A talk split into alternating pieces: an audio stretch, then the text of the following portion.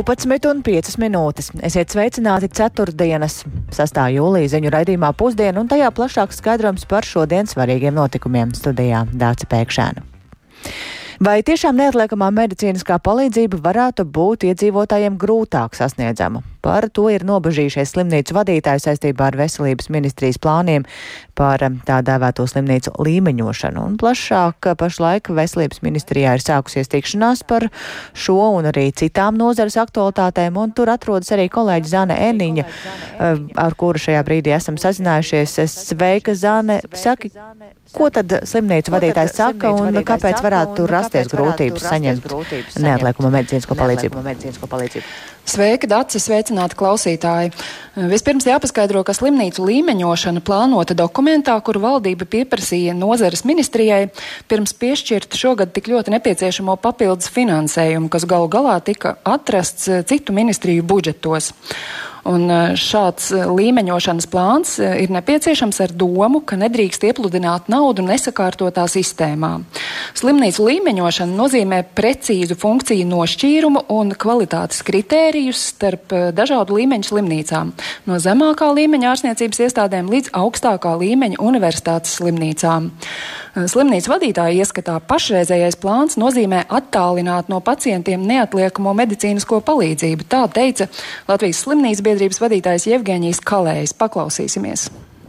Koncentrēt pacientus tajās lielākajās slimnīcās, bet ko tas nozīmē? Tas nozīmē, ka reģionu pacientiem būs apgrūtināta neatliekamās palīdzības saņemšana. Un šie te pacienti būs jātransportē ar neatliekamās palīdzības automobīļiem un personālu uz centrālajām slimnīcām, uz lielākajām slimnīcām. Un uz doto brīdi mēs jau esam to pārunājuši ar Cipuls kundzi, ka viņas iespējas nodrošināt šādu papildus neatliekamās palīdzības pacientu transportu ir diezgan apgrūtinātas, jo viņiem arī nav personāla. Kā skaidroja Latvijas slimnīcas biedrības vadītājs, pašlaik pacientus, kuriem ir vajadzīga neatliekamā medicīniskā palīdzība, ved arī uz zemāka līmeņa slimnīcām, bet tad, kad spēs, stāsies spēkā jaunās kvalitātes prasības, šīs ārstniecības iestādes personāla trūkuma dēļ vairs nevarēs nodrošināt neatliekamo medicīnisko palīdzību visu diennakti, un tas radīs eh, papildus slodzi neatlieka, ne, neatliekamās medicīniskās palīdzības dienestam, eh, kas, kā Jevgeņijas Kalējs jau minēja, jau esot paudusi, ka palielinātam transportējumu pacientu skaitam nesot gatava. Pēc viņa teiktā šī varbūtība aktualizējusi vēl kādu problēmu, par kuru slimnīcas biedrība runājot jau desmit gadus. Proti par to, kas notiek ar pacientu, kuru naktī aizved uz slimnīcu. Viņš saņem neatliekamo medicīnisko palīdzību, bet ilgāk uzturēties ārstniecības iestādē šim cilvēkam vairs nav nepieciešams. Tad kā viņš tiek mājās naktī un varbūt arī ziemā, ja dzīvo, teiksim, 70 km attālumā? Tātad par šīm visām problēmām pašlaik Veselības ministrijā Latvijas slimnīcu vadītāji um, risina diskusiju. Paldies, Tāds. paldies Zanē Eniņai par to tātad vairāk radījumā pēcpusdiena.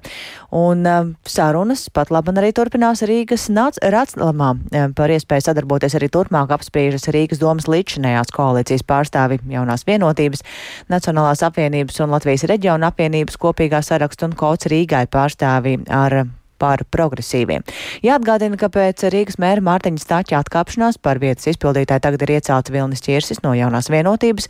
Tas notika vicemēriem savstarpēji vienojoties, nevis domniekiem balsojot, un daudz deputāti ar to nav mierā, īpaši līdzinējā koalīcijā lielākā frakcija par progresīviem. Progresīvo līdzpriekšsādātāju un Rīgas domas deputāte Justīne Panteļējeva Saspīlētās attiecības starp jauno vienotību un progresīviem Rīgas domē gan nesaista ar abu politisko spēku iespējamo sadarbību valdības koalīcijā. Tā viņa šorīt um, sacīja programmā Labrīt kolēģiem Dairai Zīlai un Kristapam Feldmanim.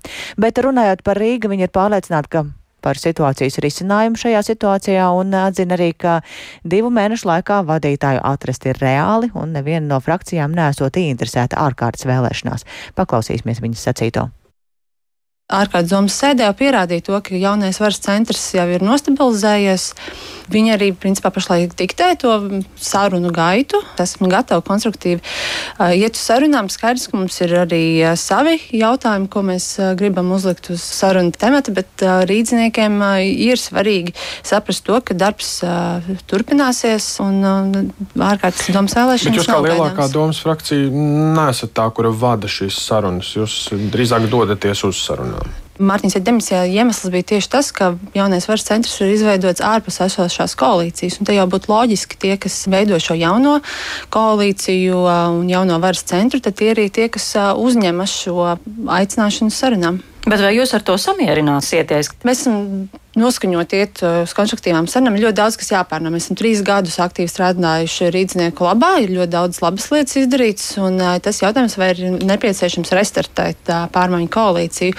Mums jāizrunā, protams, ir esošais samilzušais konflikts, un jāsaprot, vai tie paši principi, ar kuriem mēs nācām trīs gadus atpakaļ, vēl projām ir spēkā, un ja ir, tad uh, jāizrunā arī daudzi uh, saturiskie jautājumi, kas mūs uztrauc, uh, īpaši arī tieši tā, kas ir saistīts satiksmes jomu. Mums ir uh, jāredz tas plāns, kā mēs atjaunosim Rīgas lielos pārvadus, vai septembrī, kad rīznieki atgriezīsies no, no laukiem atpakaļ Rīgā. Rīga pilns pārkā turpinās būs uzrakta. Un daudz vēl mazāk saimnieciski jautājumi, kas rīzniekus katru dienu uztraucās paši pieturvietas. Tā kā mums ir diezgan daudz par ko runāt, un tad jau skatīsimies. Bet vai runājot par mēra amata kandidātiem, jums ir kāds savs, ko jūs varētu virzīt? Pašreiz negribētos pārlieku skriet ar vilcienam pa priekšu par to, kas ir nākamais Rīgas mērs, kur tie jo tiešām es iezīmēju ļoti sāpīgus arī saturiskus jautājumus. Mēs esam gatavi izvirzīt savu kandidātu, bet uh, tas būs tikai tad, ja mēs spēsim uh, atšķitināt īstenībā šo samilzušo konfliktu, kas ir ne tikai tāds politisks, bet arī saturisks, un šo konfliktu jārisina pakāpeniski. Tas, kas notiek Rīgas domē, ir izskanējis skaļi un plaši saistībā ar savstarpējām partiju nesaskaņām. Jautājums ir, kā tas varētu atsaukties arī uz koalīcijas paplašināšanas sarunām. Rīga paliek Rīga. Šoreiz ir nu, koalīcijas izaicinājumi, bet Dības mēs šos jautājumus neliekam kopā. Bet, nu, Šodien ir veselības darba grupas sanāksme par valdības koalīcijas paplašināšanu. Tur mēs arī ejam, mēs turpināsim viens darba grupām. Darba grupa mērķis ir noskaidrot, patiesībā, vai mēs redzam to redzējumu politisko vienotu, vai mēs varam vienoties. Un tas jau arī noteiks, vismaz no mūsu puses, to, vai mēs ejam tālāk. Un man Bet vai pilnīgi... pašvaldībā jau nav parādījies, ka jūs nevarat redzēt vienoti? Kā ir jāvirzās. Tas būs atkal saruna temats. Tā Rīgas domas deputāte Justīna Pandaļējeva un no domas tik tikko saņēmām ziņu, ka šodienas sarunas ir beigušās un turpmāk par progresīvie vēlas apspriesties ar katru koalīcijas frakciju individuāli. Un šīs tikšanās sāksies nākamnedēļ, bet plašāk tad par visu stāstīsim raidījumā pēcpusdienu. Līdz ar to, kādas būs pārmaiņas Rīgas domē, vēl īstas skaidrības nav, bet pārmaiņas jau ir notikušas Latgales tiesās. No 1. jūlija Reizeknas tiesai pievienota Daugavpils tiesa vienlaikus mainot tiesas nosaukumu uz Latgales rajona tiesa. Reformas mērķis efektivizēt tiesu darbu, lai būtu vienmērīgāka tiesu noslodzu un lietu izskatīšanas termiņu. Un kā tagad strādās Latgales rajona tiesa par to plašāk Silvijas Smagaras sagatavotajā ierakstā? Ar 1. jūliju Dāngāpils tiesas nama rotā jauns nosaukums. Tā kļuvusi par Latgals rajona tiesu, bet faktiski nekas būtiski te nav mainījies. To apliecina apsargs pirmais, ar ko apmeklētājiem nākas sastapties tiesas namā. Kas mainījies darba režīmā? Absolūti nekas. Nosaukums jau. Tikai nosaukums, jā? Ja? Jā. Reforma Latvijas tiesā ir jau labu laiku atpakaļ iesākta darbība, lai optimizētu tiesu darbu, stāsta Latvijas rajona tiesas pārstāve Dāngāpulī Aiga Traukša Trāškā, un Latvija šī reforma neskar kā pirmo reģionu valstī. Drīzāk mēs esam vieni no pēdējiem. Reforma notika 2016. gada 1. februārī, kad Dāngāpulas tiesai pievienoja Preļu un Krāslavas tiesu. Pēc tam tika pievienota zemes grāmatu nodaļa, un tagad atkal beidzot Latvija viss ir apvienota vienā rajona tiesā, tāpat kā Vidzeme, Kurzeme, Zemgale. Līdzīgi kā citos reģionos, arī Latvijā ir pabeigta līdz galam tiesu reforma, proti apvienota Daugopils tiesa ar Rezeknas tiesu. Atzīst jaunveidotās Latvijas rajona tiesas priekšsēdētājs Pēteris Navičānaks. Pašā tiesas darbā pagaidām nav jāšamas nekādas būtiskas pārmaiņas. Arī iedzīvotājiem, kā apliecina Aiga Trokša Traško, nav jārēķinās ar kādām būtiskām tiesu reformas izmaiņām. Attiecībā uz mūsu darbu nekas nav mainījies. Pašlaik notiek pieslīpēšanas darbi tieši ar dokumentu aptrīti. Tas ir ļoti liels tāds mehānisms. Mums ir jāapvieno visi tiesu nami, lai mēs pareizi novirzam dokumentus, korespondenci. Tas ir nu, tas lielākais izaicinājums pagaidām. Tiesa nu, iedzīvotājiem tālāk nepaliek. Visur, kur bija tiesu nami, visur viņi paliek. Un visādi citādi, jebkurš mūsu tiesas apmeklētājs, lietas dalībnieks var iesniegt dokumentus gan Prēļos, Lūdzā, Krāslavā, un saskaņā ar to mūsu organizēšanas kārtību lietu tā lieta tiks novirzīta vai nu pēc piekritības, vai nu iedalīta turpat, kur viņa ir iesniegta. Reformas būtība bija izmaiņas pašā tiesu sistēmas tīklā, lai tiesu darbu optimizētu, saka arī Tieslietu ministrijas tiesu sistēmas politikas departamenta direktore Kristīna Miļevska. Reforma tiek veikta organizatoriskā līmenī tiek paredzēts, ka ir vienota lietu sadalījums starp visiem tiesnešiem. Tiesu vada viens tiesas priekšādātājs. Noslodze izlīdzinās starp visiem tiesnešiem pēc vienota principa. Tādēļ, jebkurš latgals tiesu apgabalā esošs tiesas klients varēs šo lietu dabūt nu, nosacīt tādā vienā laikā. Tiesneša noslodzes balans bija viens no svarīgākajiem reformas mērķiem, saka arī Latgales rajona tiesas priekšsēdētājs Pēteris Navičānaks. Viens no plusiem ir neapšaubāmi vismaz mēģinājumi vai centieni izlīdzināt slodzi starp visiem tiesnešiem, kas tagad mums ir kopējā Latgales rajona tiesā. Jo Dagopils tiesā noslodze īpaši krimināla lietās bija daudz lielāka salīdzinot pēc statistikas datiem, ka tas bija Reizeknas tiesā. Tādējādi viens no mērķiem un uzdevumiem ir tieši Daugopils tiesnešu atslogošana krimināllietās. Daugopils tiesa Latvijas rajona tiesai ir nodevusi 1394 civillietas un 330 krimināllietas, soda izpildes lietas. Taču arī šis cipars vēl nav pēdējais, jo iesnieguma pieņemšana tiesās notiek, saka Aiga Traukša Trāškā. Latgals rajona tiesā strādā 44 tiesu sastāvi, bet brīvas vakances tiesnešu vidū ir īpaši Dāngāpilī ir piecas vakantas tiesnešu vietas. Tas nozīmē, ka joprojām tiesnešu trūkums ir jaušams. Jā, un jau ilgu laiku šīs daudzās vietas nav aizpildītas. Mēs ceram, ka beidzot Latvija ieraudzīs un, un nāks pie mums strādāt. Tāda liela, liela cerība, jo tas jau arī Strupiša kungs ir teicis, un arī prokuratūra ir satraukta, ka daudz ies izdienas pensijā, un arī tas mums draud. Tāpēc mēs ļoti ceram uz jauniem tiesnešiem. Tiesu reformas process Latgalē ir iekustējies. Šobrīd rit sistēmas sakārtošanas darbi. Tie var radīt nērtības tiesu nama klientiem. Ar to jārēķinās un tāpēc jālūkojas tiesas mājaslapā interneta vietnē, jo ir mainītas arī Latgales rajona tiesas e-pasta adreses.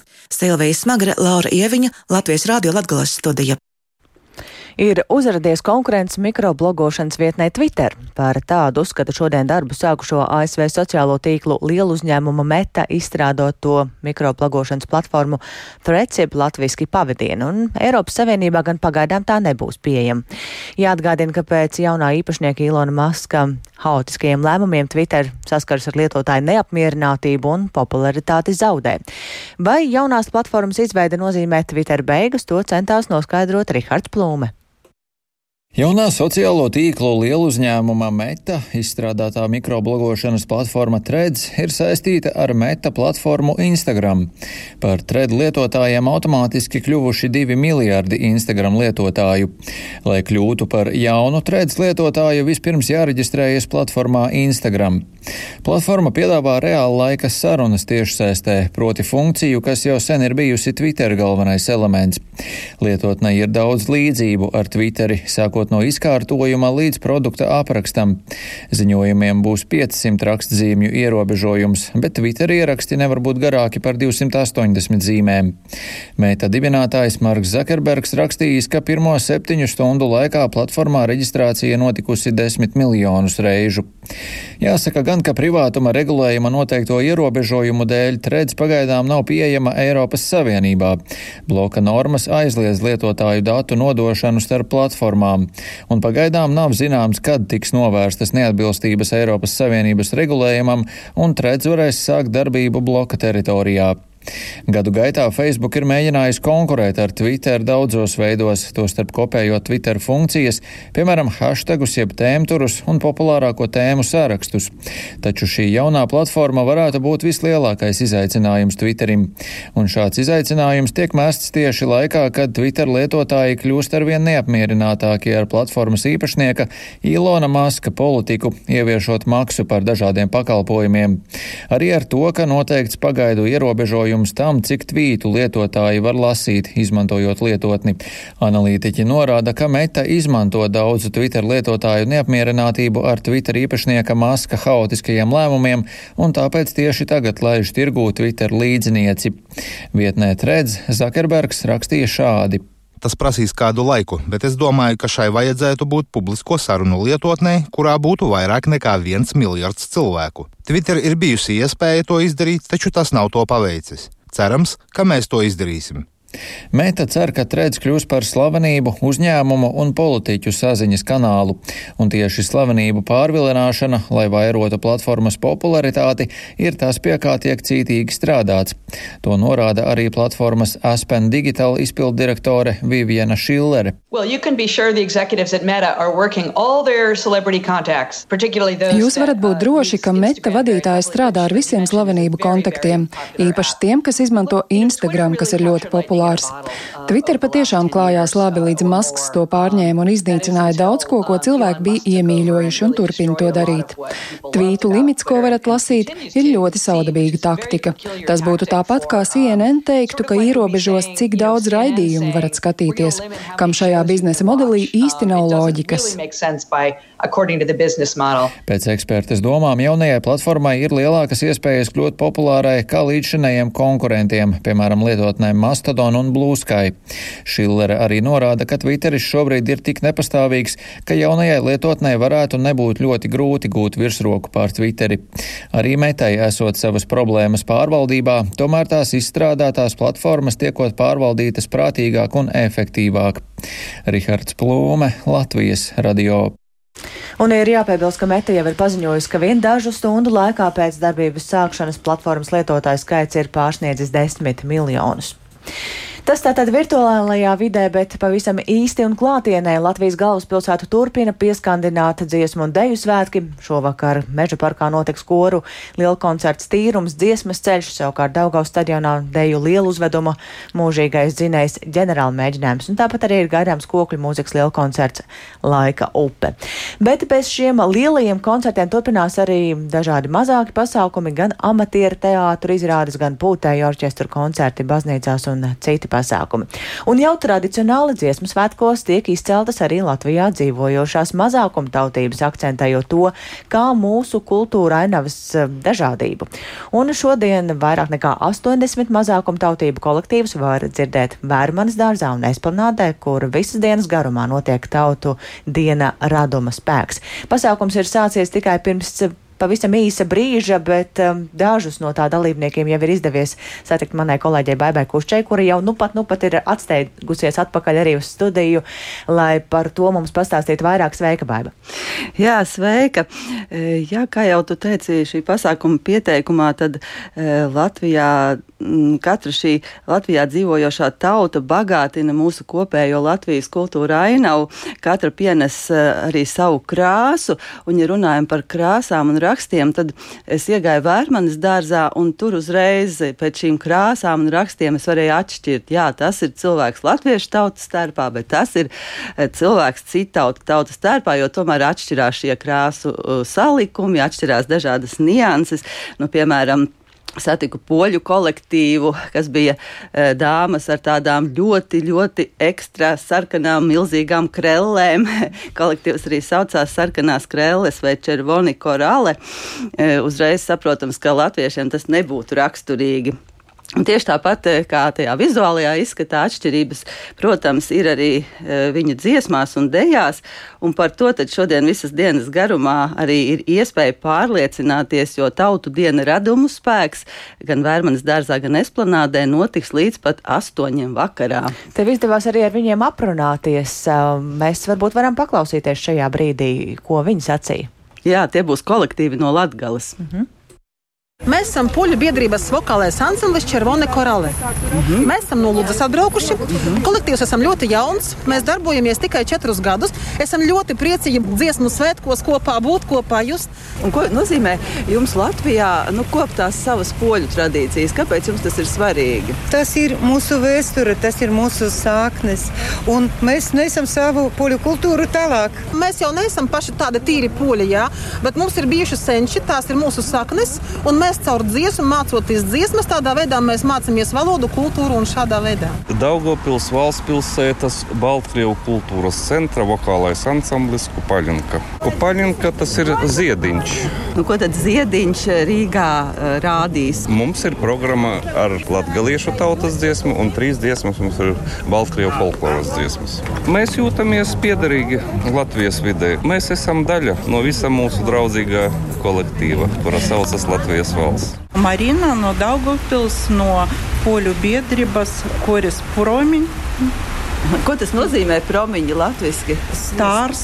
Nu, poļi, latvieši. Nu, man jau liekas, ka poļi ir daudz temperamentīgāki. Nu, jā, mums pat latviešu dziesmas mēs mazliet ātrāk kā tempats dziedām. Mums tā latvieši teica, muziki latvieši. Jā, e, tā tad e, gandrīz visi kolektīvi savas tautas dziesmas e, dziedās līdzās arī kādai latviešu tautas dziesmai, un, piemēram, šī grupa promeņi, jeb tātad latviski stars, dziedās kumeliņi, kumeliņi, un tad mēs varēsim salīdzināt, vai viņi tiešām dzied ātrākā tempā nekā latvieši. Nu, vēl var piebilst, ka koncertā uzstāsies gan folkloras kopas, gan vokālie ansambļi, tautas deju kolektīvi un citi. Būs pārstāvēti tātad līdzās poļiem un baltkrieviem arī lietuvieši, krievi, ukraiņi bulgāri, arī azerbaidžāni, ebreji, ro, romi un citu tautību Latvijā dzīvojoši cilvēki. Tagad rīta pusē arī nedaudz lietas netraucēja un nebojāja noskaņu kolektīviem. Nu, tieši tad, kad eh, uz 12. tad sāka lietas tā kā pārstāt un šķiet, ka laiks ar vien tā kā uzlabojas. Es ceru, ka būs labi. un tas raduma spēks, eh, ko tas vēl ietver? Tātad tu minēji jau dejas un, un, un, ko, ko, ko vēl, nu, lai tā ieinteresētu varbūt tie, kuri vēl šobrīd mājās sēž lai ie, ieinteresētu paskatīties. Nu, jā, varbūt vēl es pieminēšu, lai, varbūt, lai ieinteresētu par to daudzpusību, tā tad jau līdzās minētajām tautībām varēs arī dzirdēt piecus, piemēram, ārzemju kolektīvus arī no Vācijas, Ukrainas, Itālijas un Somijas, kā arī 11 ārvalstu latviešu kolektīvus no Luksemburgas, Vācijas, Igaunijas, Zviedrijas, Brazīlijas un Īrijas. Ļoti, ļoti krāšņi un dažādi, un tas tikai vēlreiz atgādina, ka Rīgā tiešām ir ļoti daudz viesu no dažādām vietām. Vieni bauda svētku svētkus, citi arī piedalās, un ir arī virkne žurnālisti, un daži pat ir ceļu mērojuši ļoti, ļoti tālu. Un viena no tām ir Brigita Ozoliņš no Austrālijas, Tasmānijas Universitātes mācības spēks, un Austrālijā labi pazīstama laikmetīgā mākslinieca, kuras darbi ir bijuši izstādīti arī Latvijā, un viņa par dziesmu svētkiem veidos publikāciju akadēmiskām interneta eh, žurnālam The Conversation, un lūk, kā mākslinieca savu misiju ir skaidrojusi žurnāla redkolēģijai. Uh, dziesmu svēki ir UNESCO listed on the heritage list, ka tas ir ļoti visā pasaulē ļoti vērtīga. Un tad es gribēju rakstīt par to, es domāju, jo tagad viss cilvēki domā par to, kas notiek Ukrānē. Es rakstīšu arī par to, uh, par to Baltijas ceļu un kā viss uh, Baltijas valsts dziedāja Arī rakstīšu drusciņu par to vēsturi, par dziesmu svētkiem, kā mainījās padomju laikā un kā tagad lietas ir. Un es esmu ļoti, ļoti aizkustināta par to, kad es, kad es dabūju presa pasu, un es varēšu pirmo reizi savā dzīvē to redzēt un dzirdēt un skatīt, kas notiek dziesmu svētkos. Un es domāju, es raudāšu ļoti daudz. Tā Brigita Ozoliņš um, un par viņas darbiem un saiknēm ar Latviju klausieties vairāk raidījumā pēcpusdiena, bet šobrīd ar to izskan raidījums pusdiena. Producenti Ilza Agīnta ierakstus montēja Kaspars Groskops par labskaņu rūpējās Jāna Dreimane un ar jums sarunājās Dāce Pēkšēna. Vēl īsi par būtiskāko slimnīcu vadītāju ar veselības ministriju pārunā slimnīcu līmeņošanas ietekmi uz neatliekamās medicīniskās palīdzības saņemšanu Rīgas domē ir beigušās sarunas līdzinējiem koalīcijas pārstāvjiem un darbu ir sācis Twitter konkurence ASV sociālo tīklu lielu uzņēmuma meta izstrādātā mikroblogošanas platforma. Redījuma pusdiena var klausīties arī sev ērtā laikā Latvijas radio mobilajā lietotnē, meklējot dienas ziņas, un tāpat arī Latvijas radio ziņām var sekot līdzi sabiedrisko mediju ziņu portālām LSMLV un sociālajos tīklos, bet ēterā mēs tiekamies atkal rīt.